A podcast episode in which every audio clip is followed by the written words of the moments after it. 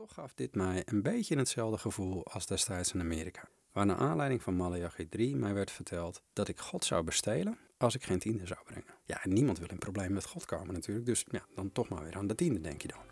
Maar is dit de manier om je mensen binnen te brengen in een leven te geven? Een podcast voor kerkgangers, kerkverlaters en kerkelozen. Hagebreken.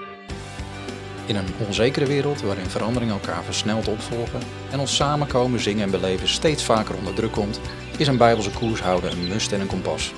Tuurlijk, het is jouw leven, het is jouw schip, maar de beste stuurlui, die hebben een loods. Mijn naam is Benaya en ik vaar graag een eindje met je mee. Hi, fijn dat je weer luistert naar Hagepreken. We zitten in de zomerrestantjes van 2023 en het weer gaat weer richting uh, acceptabele temperaturen. Uw gast is waarschijnlijk een van de weinige Nederlanders die van uh, fris en onstuimig weer houdt. Maar hier en daar voelen we nog de nazomer. En ook wat na Hagepreken betreft hebben we nog wat restantjes van het afgelopen thema te behandelen. Namelijk de praktische uitwerking van het leren leven om te geven. En dit keer wou ik er eigenlijk meteen maar even induiken, want we hebben denk ik wel wat grond om te ploegen. Vorige keer hebben we kunnen zien dat ons geefgedrag zeker wel de aandacht van God trekt.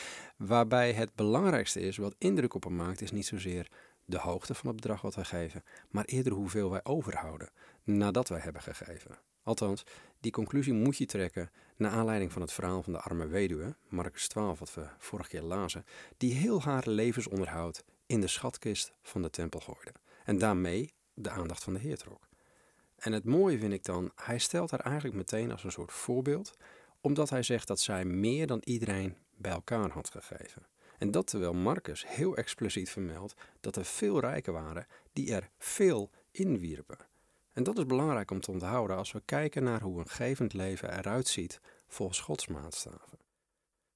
En die gedachte dat het niet gaat om de hoogte van het bedrag dat je geeft, werkt niet alleen bevrijdend voor de minder bedeelden onder ons, omdat het kennelijk niet zo is dat alleen de gefortuneerde mensen zijn die uh, een geefgedrag hebben waar, ja, waar God dan op let. Maar het is ook zo dat een specifiek bedrag kennelijk ook niet kan worden aangemerkt of aangemoedigd als speciaal. Nou, wat bedoel ik daarmee? Er zijn mensen die ervan overtuigd zijn dat bepaalde bedragen doorslaggevend kunnen zijn om in aanmerking te komen voor een speciale zegen van God. Als dat nou weer voor ons is, dan denk je misschien, nou geloof het of niet, in sommige vrijere filialen van het lichaam van Christus is dit best wel een dingetje. of moet ik zeggen, een gimmickje. Eh, ik zou het zelf niet geloven, waar het niet dat um, nou ja, in de onbezonnenheid van mijn jeugdig christen zijn, heb ik meetings bijgewoond waar dit soort dingen werden verkondigd. Eh, vooral in mijn studententijd was ik hongerig naar alles van God en zijn woord, waardoor ik heel wat kerken, gemeenten, conferenties en meetings afliep. Puur honger naar meer nogmaals. En dan, ja, dan kom je aardig wat dingen tegen. En ik ontdekte al gauw, het lichaam van Christus is divers, zullen we maar zeggen. Ik kwam nogal wat merkwaardige medebroers en zussen tegen. Nu is het natuurlijk wel zo, iedereen is uiteraard normaal. Totdat je de ander leert kennen. Dat geldt ook voor onszelf. Maar sommige mensen hielden wel een hele bijzondere denkbeelden en uitingsvormen erop na. En misschien nog wel zorgelijker dan dat, vond ik dat sommige predikers zelf ook heel merkwaardig overkwamen. Of dingen zeiden waarvan ik dacht: waar haal je dit vandaan? Nou was ik misschien iets te goed gediscipeld door mijn studentenpaan, Peter Oskamp, maar ik kan me voorstellen dat niet iedereen de wijsheid meekreeg die ik van Peter kreeg. Namelijk, als je het niet terug kunt vinden in het woord van God, moet je heel hard de andere kant op rennen. Want dan wordt er met een loopje met je genomen, zei hij altijd. En dat gold vooral voor het, als het aankwam op opgeven voor mij. Want op dat gebied heb ik door de jaren heen heel wat rare loopjes gezien. Zo herinner ik me nog dat ik een keer, uh, nou, misschien was het een, meer charismatisch bijeenkomst, waar ik uh, was en een prediker hoorde zeggen, uh, zoiets van, de Heer bepaalt mij dat er hier tien mensen zijn in de zaal die duizend euro gaan geven. En als jij dat bent, kom dan gauw naar voren, want God wil je een speciale zegen geven. Nou, ik viel zowat van mijn stoel toen ik dat hoorde. Hoewel iedereen om me heen dit kennelijk zo gewend was. Want uh, er werd enthousiast geapplaudiseerd. En zodra de eerste paar mensen zich bekend maakten. Maar ik kon dit volledig niet plaatsen. Ik snapte ook niet waarom men dit deed.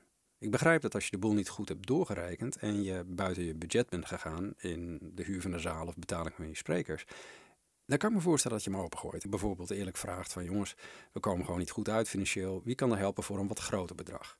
Maar juist als je schermt met een zogeheten openbaring, dat mensen die bepaalde bedragen geven van God een speciale zegen krijgen, ja, dat staat haaks op hoe de Heer Jezus het ons onderwees. En helaas was dat niet incidenteel. Ik heb offeraankondigingen meegemaakt waarbij het niet bleef bij één openbaring. En sommige sprekers gingen gewoon schaamteloos verder met hogere bedragen. Je zou bijna denken dat het om een veiling ging. Ik heb zelfs in Nederland een meeting meegemaakt waar um, beweerd werd dat God mensen 5000 in het hart zou hebben gegeven. En dat er een speciale zalving weggelegd zou zijn voor deze mensen. Nou, die laatste meeting ben ik uitgelopen, moet ik eerlijk toegeven.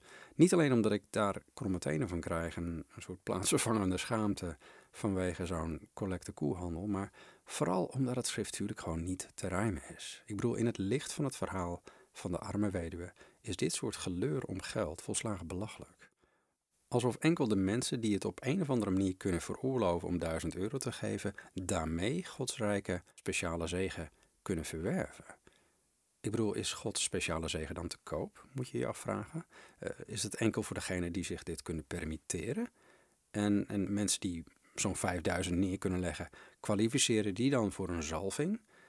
Um, ook zo'n woord waar ik en soms nu ook nog weinig mee kan. En de, rest van ons die het niet 1, 2, 3 hebben liggen, ja, die moeten het dan kennelijk zonder zo'n zalving stellen. Of, of hebben we die zalving dan niet nodig? Hoe moet ik dat zien? En wat is dat dan voor zalving? Wat moet je daar dan mee? En dan denk ik meteen, ja, mensen werden gezalfd in het woord van God voor een speciale taak of een daad.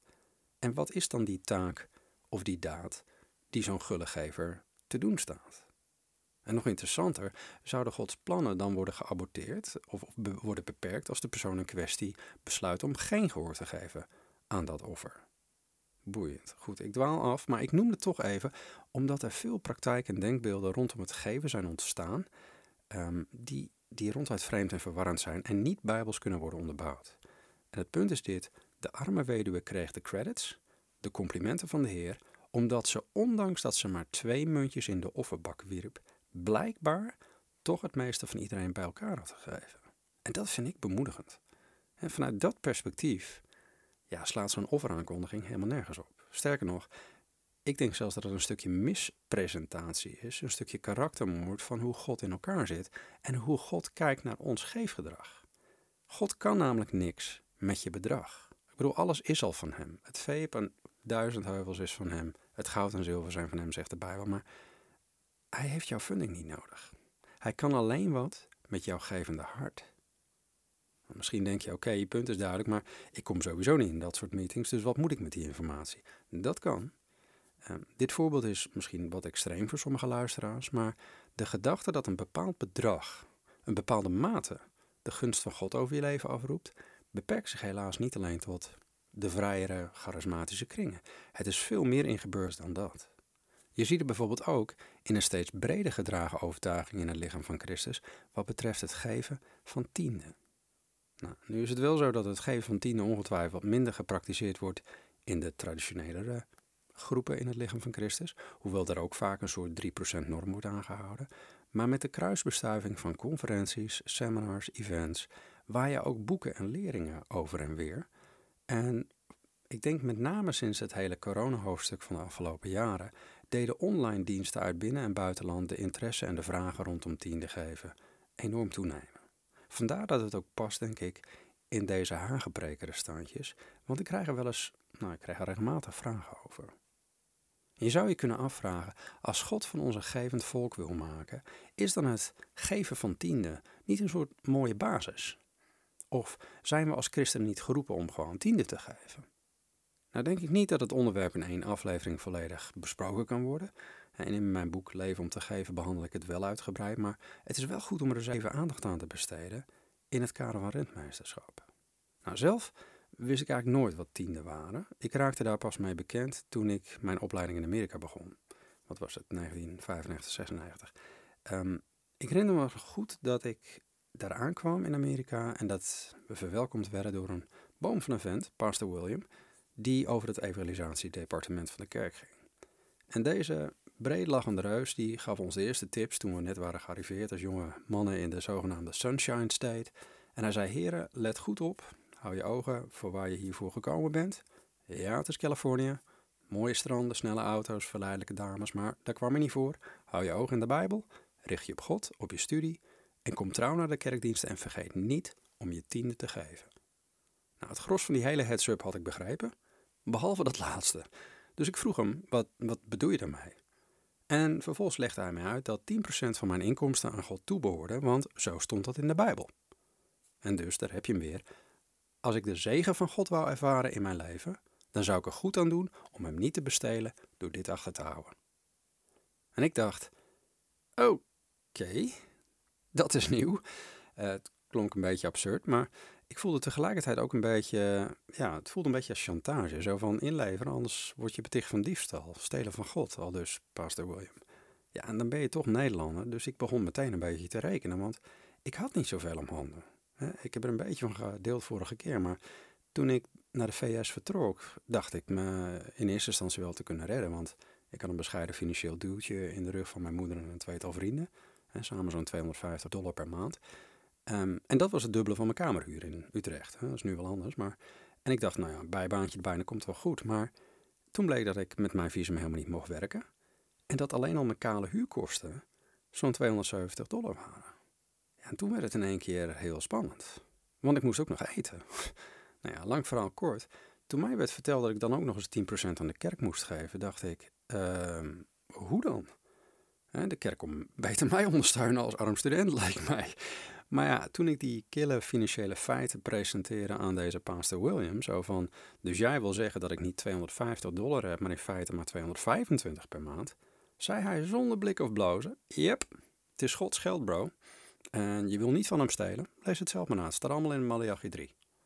Nou, ik was echt met stomheid geslagen. En ik dacht, hij is niet goed wijs. Maar ja, ik besloot wel zelf de Bijbel erop na te slaan. En ja, ik dacht, er moet een clausule zijn voor arme mensen of iets dergelijks. Veel werd ik er overigens niet wijs uit, want het viel me op dat vooral het Oude Testament vermeldt veel over tiende. Dan wordt het ook wel eerstelingen genoemd. En het verwees naar de eerste opbrengsten van het land, die je dan teruggaf aan de Heere God. En het beste beschreven stond de tiende in de wet van Mozes en dan vooral in de boeken Leviticus, Numeri en Deuteronomium. Daar stond wie deze tiende behoorde te brengen en aan wie het gegeven moest worden en waar precies. En lees je dat soort tekstgedeelten, dan ontdek je al gauw dat het niet alleen om een geestelijk principe ging, maar vooral heel praktisch. Het was een heel praktisch onderdeel van het hele reilen en zeilen van een organisatorische huishouding van het volk Israël. En het was ook nog eens een keer heel complex. Het was zeker niet zo simpel als gewoon 10% van je inkomen geven. Er waren namelijk meerdere tienden van kracht. En ze hadden allemaal verschillende functies en, en condities. Desalniettemin, de mij aangereikte tekst, Malachi 3, bleek het schriftgedeelte te zijn waarop het meeste tieneronderwijs daar in Amerika werd onderbouwd. En ook in Nederland, waar hier onderwijs over gegeven wordt, is dit denk ik de absolute classic. Dus vandaar dat het misschien goed is, als we over tiende praten, om deze er even bij te pakken. Dan lees ik expres ook even de volledige passage, zodat je een goed beeld krijgt. En er staat allereerst, beginnend in vers 6 van hoofdstuk 3, want ik, de Heere, ben niet veranderd. Nou, dat zou een geruststelling moeten zijn voor ons allemaal. God is eeuwig en altijd dezelfde. Dat zegt iets over zijn karakter, slaat op hemzelf, niet op de tiende, zoals vaak wordt opgevoerd, staat ik, de Heere, ben niet veranderd. En u, kinderen van Jacob, bent daarom niet omgekomen. Ook dat is niet onbelangrijk. Hij spreekt naar de kinderen van Jacob. En dat is een term die in de Bijbel altijd heel specifiek gebruikt wordt voor Israël als letterlijk volk. En Jacobs nieuwe naam werd namelijk Israël. Het gaat dus hier om een natuurlijke kinderen van Jacob die van God een nieuwe naam krijgt, namelijk Israël. De kerk, de gemeente van Christus, wordt hoogstens Abrahams nageslag genoemd, maar nooit de kinderen van Jacob in de Bijbel. Oftewel, contextuele exegese gebiedt ons om dit niet zomaar te plakken op de geestelijke kinderen van Jacobs opa, Abraham. Maar goed, ik zal even doorlezen, anders duurt zo'n heel vers te lang. Vers 7. Sinds de dagen van uw vaderen bent u afgeweken van mijn verordeningen, en u hebt ze niet in acht genomen. Keer terug naar mij, en ik zal naar u terugkeren, zegt de Heere van de legermachten. Maar u zegt, in welk opzicht moeten wij terugkeren? Zou een mens God beroven? Werkelijk, u berooft mij. En dan zegt u, waarvan beroven wij u? Van de tiende en het hefoffer. U bent door de vloek getroffen, omdat u mij berooft als volk in zijn geheel. Breng al de tienden naar het voorraadhuis, zodat er voedsel in mijn huis is. Beproef mij hier toch in, zegt de Heer van de legermachten, of ik niet de vensters van de hemel voor u zal openen en zegen over u zal uitgieten, zodat er geen schuren genoeg zullen zijn. Ik zal ter wille van u de kaalvreter bestraffen, zodat hij de vrucht van de aardbodem bij u niet te gronden richt, en de wijnstok op het veld bij u niet zonder vrucht zal blijven, zegt de Heer van de legermachten. Alle heidevolken zullen u gelukkig prijzen, want u zult een aangenaam land zijn, zegt de Heer van de legermachten. Nou, dat is een lang stuk en er zit heel veel in. Zoveel dat we dat nooit binnen één aflevering kunnen uitpakken. Maar laat me je allereerst eens vertellen wat mij destijds vooral opviel uit deze tekst. Iets waardoor ik toen toch meelaveerde met wat mij werd verteld door deze pastor William. Behalve de botte aantijging dat het volk dat geen tiende en hefoffers brengt, God berooft, stond er namelijk ook nog een hele mooie keerzijde beschreven. Namelijk dat als je wel tiende en het hefoffer brengt, dat de zegen die volgt ook dermate overvloedig is, dat het zelfs andere mensen zal opvallen. Nou ja, later zag ik wel wat meer haken en ogen, waar we het nog over gaan hebben. Ik heb er al een paar genoemd. Maar om met iets positiefs te beginnen. Het was destijds juist deze tekst die mij deed besluiten om een soort rationele hinkstapsprong te nemen wat betreft een regelmatig geefgedrag. En eigenlijk ben ik daar nog steeds dankbaar voor. En het kwam vooral door dat ene stukje wat er voor mij uitsprong. Ik heb het al gelezen. Beproef mij toch hierin, zegt de Heer van de legermachten, of ik niet de vensters van de hemel voor u zal openen en zegen over u zal uitgieten, zodat er geen schuren genoeg zullen zijn. Beproef mij, oftewel test mij maar. Ja, dat vond ik wel heel bijzonder, tamelijk uniek ook, want het komt niet zo vaak voor in de Bijbel dat we God mogen testen. En contextueel correct of niet, op dat moment besloot ik hierin een geloofstap te nemen. Ik zei op dat moment dus tegen God, Heer, als u verwacht dat ik 10% van mijn inkomsten aan de kerk geef, dan geef ik u drie maanden, gewoon bij wijze van proef. Laat maar zien dat dit kan. De reden hiervoor was eigenlijk heel simpel, want binnen die tijdspanne van drie maanden kon ik gratis een retourdatum van mijn vliegticket wijzigen. En daarna kostte dit 100 dollar en die zou ik dan sowieso niet meer hebben. Nou, de tijd slaat mij niet toe om alle wonderlijke verhalen te delen van die drie maanden die volgden. hoe God het kale appartementje wat we hadden in Santa Ana, dat ik deelde met drie andere studenten, hoe die dat voorzag van bedden en meubels, servies, elektriciteitsrekeningen die betaald werden enzovoort. Maar ik kan wel zeggen, na zoveel wonderen qua voorziening, had ik na drie maanden een beslissing te maken. Had ik enorm veel geluk gehad? En was alles een aaneenschakeling geweest van toevalligheden? Of was God echt trouw aan zijn woord dat hij inderdaad zo wil voorzien in dit soort hele praktische dingen? Nou, op dat moment besloot ik dat laatste te geloven. En dus ben ik gebleven, ook na drie maanden. En belangrijker nog, ik ben blijven geven, 10%. Niet dat ik er veel van snapte, ik had geen flauw idee hoe het precies werkte, maar het zette vooral iets in werking in mij. En dat is misschien nog wel het voornaamste. Het veranderde mijn denken omtrent wat mogelijk was in Gods wereld. Vooral financieel. Het was niet omdat ik Malachi 3 per se helemaal in een nieuw-testamentisch kader kon plaatsen. Um, ik had wel door dat dit tiende verhaal, daar was iets mee. En het was ook een dingetje wel in die kerk waar ik verbonden was. En, hè, dat, was een kerk verbonden aan het college waar ik studeerde. Tiende was er echt ingeburgerd als een soort doctrine waar iedereen in meeging. En later zag ik, toen ik weer in Nederland was, dat het tiende onderwijs ook hier een vlucht nam. Ook hier verschenen steeds meer boekjes op de markt die dit tot een soort speerpunt maakten als het aankwam op het stimuleren van een specifiek geefgedrag van Gods volk. Alleen, hoe oprecht geschreven dan ook, de wat kritische Bijbellezer, die blijft ook dan nog vragen houden. Simpelweg omdat het moeilijk is dicht te timmeren dat tiende geven van toepassing is op ons als nieuwtestamentische gelovigen. Nou, misschien vraag je af, is het dan fout om 10% te geven? Of, of beter gezegd, om, om dat te onderwijzen? Nou, zelf dacht ik niet dat het echt een issue was. Maar gaandeweg begon ik vragen en opmerkingen te krijgen als... Benaya, ik weet dat ik tiende moet geven, maar het lukt me niet. Of, wat denk jij Benaya, moet je nu tiende geven over je bruto of je netto inkomen? Vragen en opmerkingen die duidelijk werden gesteld vanuit een krappe portemonnee. Ja, en dat, dat, dat zette mij op scherp. Maar wat mij nog meer op, op scherp stelde, was een vraag die ik kreeg van een voorganger tijdens een seminar aan een uh, groep gemeenteleiders. Die mij vroeg: hoe krijg je je gemeente nu zover dat ze je tiende gaan betalen? Ja, ik moet zeggen, ik was een beetje geschokt door die vraag. Um, wel zag ik daardoor iets wat mij tot dusver nog nooit was opgevallen. Want ik had tot die tijd zelf altijd gewoon het tiende principe onderwezen. Want 10% van je inkomen afstaan, ja, is natuurlijk een prachtig gebaar. Maar het is wel een vrijwillig gebaar. als jij dat zo in je hart hebt om te geven, dan is het niet wettisch. Um, niet op de manier zoals het is vastgelegd in de wet van Mozes, waar Malachi over sprak. Want tiende geven werd ook voor de wet van Mozes al gedaan. Abraham bijvoorbeeld, die gaf tiende aan de priester Melchizedek. Misschien ken je dat stukje. Ik heb het in de Hagepreken wel eens genoemd, geloof ik. Um, je vindt het in Genesis 14. Een situatie waar, waar de koningen van Sodom en Gomorra met nog drie andere koningen oorlog voeren. Tegen vier vijandelijke koningen. En dan worden ze verslagen. Nou, de vijand pakt dan al hun bezit en hun voedsel. Maar ook Lot. Die wordt gekidnapt. Op dat moment bedenkt Abraham zich geen moment. Trekt met zijn eigen privélegertje van zo'n 318 man uh, ten strijde. En bevrijdt niet alleen Lot, maar ook de buitgemaakte vrouwen en de rest van het volk. En dan is het opmerkelijke dat hij daarna direct een tiende deel van de buit aan de hoge priester van Salem geeft. En er is niemand die zei dat hij dat moest doen. Het was gewoon een dankgebaan aan God voor Gods hulp bij de bevrijding. Vandaar ook dat hij de koning van Sodom op zijn plek zet, waar iedereen bij stond, toen hij hem semi-gratieus zegt van nou, je mag de oorlogsbuit houden.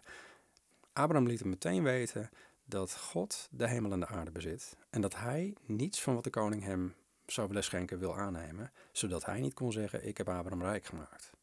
Oftewel, Abraham wist wie zijn bron was en dat God inderdaad ook een bron is, onuitputtelijk in voorziening. En daarom kun je met gemak afstand nemen van die 10%. Uit zijn bron, God, zou toch wel zegen blijven voortkomen. Zo redeneerde Abraham. Kijk, en op die manier wordt zo'n tiende geven een reactie uit een dankbaar hart, vanuit een, ja, gewoon een prachtige openbaring van wie God is. En het mooie vind ik dan ook, die fundamentele overtuiging van Gods voorziening, ja, die wordt ergens ook doorgegeven aan zijn kleinzoon, Jacob, dat lees je in uh, Genesis 28. En nadat hij een ervaring met God had gehad in Bethel, belooft hij ook om God stipt zijn tiende te geven, staat er. En ook hij deed dat voordat de wet van Mozes tiende vastlegde als een plicht. Vandaar dat ik altijd zeg, tienden zijn gewoon een mooi principe. Een principe dat getuigt van een besef dat alles wat tot jouw beschikking staat, komt van God. En je kiest een deel apart te zetten om het weer terug te geven, als een erkenning van wie hij is als jouw bron. Maar toch, even terugkomend op de opmerking van deze voorganger, hij draaide het in feite om. Want hij vroeg mij hoe krijg je een gemeente nu zover dat ze je tiende gaan betalen? En het zit hem in dat woordje betalen. En mijn antwoord was dan ook: waarom zouden mensen jou hun tiende betalen? Want betalen doe je immers alleen als je iets verschuldigd bent. Nou, de beste man die probeerde zich daar natuurlijk een beetje uit te redden. Hij citeerde Paulus, hij zei misschien ken dat gedeelte. Eén keer in de negen is dat. En weet je niet dat zij die in de tempeldienst verrichten van het heilige eten... en dat zij die steeds bij het altaar zijn hun deel ontvangen van de offers van het altaar. En zo heeft de Heere God ook met het oog op hen die het evangelie verkondigen opgedragen dat zij van het evangelie mogen leven. Oftewel, de Heere God heeft zelf opgedragen dat degenen die de verkondiging van het woord op zich nemen, daarvan mogen leven. Net als de priesters en de levieten in de tempel. Nou, uiteraard een heel goed punt. Wel is het belangrijk om te onthouden dat Paulus daarmee ook niet zegt de tempeldienst moeten we opnieuw introduceren in het Nieuwe Testament. Hij maakt gewoon een vergelijking. En net zoals dat hij soms vergelijking maakt met een christen die als een soldaat is in het leger. Dat doet hij ook niet met de bedoeling om het leger als uitgangspunt te nemen, zodat wij zullen begrijpen hoe de gelovigen behoren te functioneren in Gods koninkrijk. Snap je wat ik bedoel? Ik snap wel het spanningsveld waar deze geestelijke leider in zat. Veel dienaren van God herkennen dit, namelijk hoe kunnen wij het werk voor de Heer blijven doen met de weinige middelen die we hebben, want je kan niet van de wind leven. En er komt ook nog bij, in de huidige kerkzetting die is ontstaan in de loop der eeuwen, breken we niet meer het brood van huis tot huis. En we hebben niet alleen meer, meer te maken met mensen die het evangelie verkondigen, zoals in Paulus tijd. Inmiddels hebben we gebouwen met de nodige onderhoud, salarissen, pensioengelden, verplichte verzekeringen en dan ook nog een heleboel projecten die we opstarten vaak in de gemeenschap. En hopelijk, als het financieel allemaal uit kan, ook nog een aantal zendelingen die we willen ondersteunen in hun evangelieverkondiging. Ja, vreemd genoeg komt dat vaak als alle andere rekeningen gedekt zijn. Of zeg ik nou iets politiek incorrects? Maar goed, vind ik altijd een beetje merkwaardig. Maar goed, de status quo van de kerk daar gelaten, even te goede trouw. De man die het van mij vroeg, was oprecht in zijn zoeken naar een manier om in elk geval bepaalde garanties of zekerheden in te bouwen voor de kerk zoals we die nu kennen, kennelijk. En als die tiende op de een of andere manier bijbels waterdicht te maken zouden zijn, dan moesten zijn mensen er redelijkerwijs wel aan geloven, dacht hij. En toch gaf dit mij een beetje hetzelfde gevoel als destijds in Amerika, waar naar aanleiding van Malachi 3 mij werd verteld dat ik God zou bestelen als ik geen tiende zou brengen. Ja, niemand wil in probleem met God komen natuurlijk, dus ja, dan toch maar weer aan de tiende, denk je dan. Maar is dit terecht? Is dit de manier om je mensen binnen te brengen in een leven om te geven? En niet onbelangrijk is Malachi 3 wel zo simpel door te vertalen naar de kerk van nu. Nou, in die bewuste meeting besloot ik de complexiteit van de tiende een beetje op te voeren om iets duidelijk te maken aan deze voorgangers en aan mijn lieve broer in Christus. En daarom vroeg ik aan deze leiders hoeveel tienden staan er eigenlijk in de Bijbel beschrijven. Nou, opvallend genoeg kwam geen enkel van deze leiders verder dan een gok, waarop ik zei: um, welke tiende verwacht jij dan dat jullie gemeenteleden brengen op basis van Malachi 3? Nou, bleef doodstil. Daarna vroeg ik dus, aan wie gaven de Israëlieten eigenlijk tiende? Nou, dat wist iedereen wel. Dat was aan de Levieten. Dat is correct, zei ik. Aan, aan, aan wie gaven de Levieten dan tiende? Was het weer stil. Ik zei, aan de priesters. En aan wie gaven de priesters tiende? En weer wist niemand het antwoord. Ik zeg, de priesters gaven helemaal geen tiende. En nog viel het muntje niet. Dus ik zei, mijn vraag is dit. Als wij als geestelijke evangelieverkondigers volgens Paulus inderdaad te vergelijken zijn met degene die de dienst deden in de tempel en aan het altaar, wie van ons is dan een leviet en wie is een priester? Of mogen we dat zelf uitmaken? Want als ik dan een voorkeur mag uitspreken, dan ben ik liever een priester, want dat scheelt namelijk nog een paar tienden van mijn inkomen. nou, dat haalde de spanning er wel een beetje vanaf en er werd wat gelachen, maar je zag heel wat zoetzure gezichtjes. Maar ik zei wel, zie je nou hoe complex het wordt als je die hele tempeldienst probeert te duwen in een nieuwtestamentisch jasje, waarbinnen je elk element een vergeestelijk plekje zou moeten geven. Want de gebruiksaanwijzing hiervoor ontbreekt helemaal in de brieven van het Nieuwe Testament. En dat waren de brieven waar vooral de heidenen het mee moesten doen. En je komt gewoon niet uit met het tiende verhaal als je dit tot een soort wetmatigheid maakt, als iets wat hoort bij je christen zijn of iets dergelijks. Want als we nou toch nog even kijken naar de Levieten, dat waren natuurlijk de nazaten van Aaron, die kwamen allemaal uit één stam. En ze hadden geen erfdeel in het land dat de Heer aan Israël gaf, want hun erfdeel was helemaal niet materieel. Hun erfdeel was de aanwezigheid van de Heere God zelf. Ja, dat zou je aan sommige grote internationale sprekers moeten vertellen, hè, die mede dankzij de tiende van hun megakerken misschien op een ranch leven of zelfs privé-jets hebben, maar zo wordt het wel vaak heel stellig verkondigd. Als je christen bent, geef je je tiende en die geef je aan de kerk en de prediker. Maar daarmee wordt heel snel gestapt over de complexiteit van die tiende. om dat punt nog eventjes door te drukken voor je beeldvorm, misschien is dat goed. Bijbels gesproken mocht je sowieso geen geld geven. Daar konden de levieten namelijk helemaal niets mee. Levieten ontvingen van het volk tiende van voedsel en vee als ondersteuning voor hun levensonderhoud. En hiervan gaven zij op hun beurt weer een tiende aan de priesters in Jeruzalem, zoals ik zei. En dan wordt er nog een aparte tiende genoemd. Dat is weer iets anders, namelijk de veetiende, de korban, die gebruikt werd voor de offers. Leviticus 27 vind je dat. Je mag als kerkleider blij zijn als je nog een boer in de kerk hebt zitten ergens, maar de rest heeft op zijn hoogst een hond of een kat, maar dat telde niet als een korban. Ehm, daar heb je al een punt. En dan had je nog de jaarlijkse tiende aan de levieten. Die kon overal worden gegeven. Maar in het jaar 1, 2, 4 en 5 van de Shemitah-cyclus kon je dit alleen in de tempel geven. Tempel die hebben we niet meer. Hoe gaan we dat oplossen? En er komt ook nog bij dat dit voor de Israëlieten een soort geestelijke vakantie was. Met die tiende. Um, het was de opdracht om, om te eten wat je meebracht. En als je het niet lukte om die afstand naar Jeruzalem af te leggen met al je spullen, dan moest je eerst de tiende in geld opzetten. Dat moest je meenemen. Vervolgens was je verplicht dit ter plaatse weer te besteden. En dat is misschien mooi om dat stukje er even bij te pakken. Ehm, daar staat in Deuteronomie 14. Je moest het besteden aan, vers 24, aan alles wat uw ziel verlangt. Staat er echt. Runderen, kleinvee, wijn en sterke drank.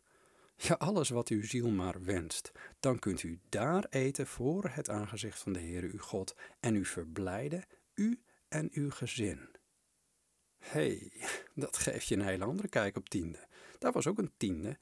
En ik moet de voorganger nog tegenkomen die dit onderwijs in zijn tiende pleidooi inbedt. Dat gemeenteleden hun tiende moeten opsparen om één keer per jaar alles te kopen wat hun hartje begeert, zoals het er staat, aan voedsel en zelfs sterke drank, om vervolgens uitbundig en blij met je hele familie in de kerk dat allemaal op te eten. dat is wat. En ook daar stopt het niet, want in het derde jaar had je ook nog eens een keer een tiende jaar, waarin de Israëlieten een tiende van de opbrengst van het land moesten apart zetten. En dit werd dan ook weer gegeven aan de Levieten, maar niet alleen aan hen, dit werd ook gegeven aan vreemdelingen, aan wezen, aan weduwen. Bijna een soort belasting die de Levieten hielp om voor de armen te zorgen. Deuteronomie 26 vind je dat. Dit was dus helemaal niet voor een gebouw. Dit was om uit te delen. Goed. Ik hou op, maar je hoort, je komt er niet af door een simpel bijbeltje prik. En het is hopelijk duidelijk dat het onmogelijk is om alle facetten van de tiende heffing over te hevelen naar de gemeente die wereldwijd ontstond nadat Jezus zijn discipelen uitzond. Nu weet ik wel dat sommige kerken uit de losse pols communiceren dat tiende een soort, nou ja, redelijke afdracht is om het hele rijlen en zeilen rondom de kerk draaiende te houden. Bijna een soort um, nou ja, verenigingscontributie zou je haast zeggen.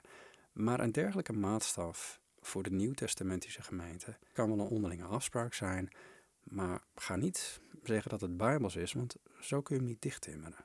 En er komt ook nog bij dat de tiende waar Malachi naar verwijst, moesten in natura gegeven worden. Dat waren typisch de tiende van je oogst of van je veestapel. En je mocht het niet eens omrekenen naar een geldelijke waarde. Sterker nog, volgens Leviticus 27, vers 31 stond er zelfs een boete op als je met geld aankwam zetten voor de Levieten, want daar konden die Levieten niets mee. Hun erfdeel was de Heere. Geld geven kon alleen als je dit doneerde voor tempelonderhoud of de benodigdheden in de tempel, zoals bijvoorbeeld de weduwe dat deed, in de offerkist. Maar ja, dat waren weer geen tienden, snap je? En die tempel, ja, met de beste wil, die bestaat gewoon niet meer. Dus ook dat deel kan niet worden doorvertaald tot de miljoenen, ja, soort mini-kerktempeltjes of zo, waar we zondag in samenkomen. Dat lukt niet. We vormen wel samen als gelovigen een geestelijke tempel. Wij zijn een geestelijke tempel, een koninklijk priesterschap en medearbeiders van Christus volgens het woord. 1 Petrus 2. Bovendien, en dan hou ik erover op, Malachi 3 vers 10 zegt, breng al de tiende naar het voorraadhuis, zodat er voedsel in mijn huis is. Al de tiende. Ja, dat zijn er dus nogal wat. Dus hoe gaan we dat in hemelsnaam doorvertalen naar een nieuwtestamentische gelovige? Goed, genoeg hierover. Belangrijk is denk ik deze vraag. Kunnen we dan nog wel wat met die tiende? Moeten we daar überhaupt nog wat mee? Of heeft het gewoon helemaal geen plek? Of, of past in het leven van een christen van nu? Moeten we het dan misschien interpreteren als een soort optionele geefgangmaker of iets dergelijks? Nou, ik denk ten eerste dat het vooral belangrijk is om als geestelijke leiders niet te gaan schermen met een tekst als Malachi 3. Ik denk dat ik het nu wel duidelijk gemaakt heb. Ik ben zelf dankbaar dat ik via die kromme exegese toch iets leerde over Gods reactie op me geven. Maar het is eigenlijk geen manier om mensen binnen te brengen in een, in een leven van geven. Eh, de tienden zijn te divers. Het ging niet alleen om de tempel en de priesters. Het ging over een heel sociaal zekerheidsstelsel voor weduwen, wezen, vreemdelingen. Tenzij je allemaal plannen hebt liggen als kerk om al die dingen op te pakken, ja, kun je maar beter Malachi 3 niet als argument gaan gebruiken. Ten tweede zien we in het Nieuwe Testament dat Paulus gemeente aanspoort om hun geld te zaaien. 2 Korinthe 9, vers 13 en 14 lees je dat. Nergens onderwijst hij het geven van tiende aan de gemeente. En dat is logisch ook, want je, je hebt inmiddels door, tiende staken heel anders in elkaar. Alleen in de Hebreeënbrief noemt hij het kort, Maar dat is eigenlijk om een heel ander punt duidelijk te maken aan de Hebreërs. Hebreërs, dat zijn de Joden. Die wisten ook van die tiende. Want dat ging over Jezus en hoe hij een hoge priester was naar de orde van Melchizedek. Niet naar de orde van Aaron. Heel interessant, daar gaan we nu ook niet op in. Maar de tiende hadden daar een plaats in, want de tiende bracht je naar de priester. En daar kwalificeerde Jezus ook voor. Maar het saaie waar Paulus wel over spreekt, is een vrijwillige financiële bijdrage. En daar heb ik vorige keer al een beetje over gehad. Gaan we ook nog wel wat meer over zeggen. Maar ja, dan zijn er nog mensen die zeggen: ja, maar bij mij in de kerk wordt niemand verplicht. Of zelfs gecontroleerd op het geven van zijn tiende. Dus dat is toch vrijwillig. Nou, dat is fijn. Hou er zo. Maar waarom dan niet gewoon geven onderwijzen? Zodra je namelijk tienden gaat noemen, brengt het al gauw een bepaalde ongezonde druk. Juist omdat het percentage ineens vast komt te leggen van wat je zou moeten geven. En die druk die zou er niet zijn als mensen dit niet als een soort norm zouden ervaren, opgelegd of niet. En die druk is reëler dan veel predikanten en voorgangers beseffen. Ik heb het te veel gehad die na een seminar bij mij opbiechten. Benaya, ik heb gewoon moeite om mijn tienen te geven. En dat liet mij zien dat mensen dit als uitgangspunt nemen en het tegelijkertijd als een soort druk ervaren. En dat haalt de vreugde van het geven weg. En als God de blijmoedige gever lief heeft, 2 Korinther 9 vers 7, ja, dan helpt dat niet.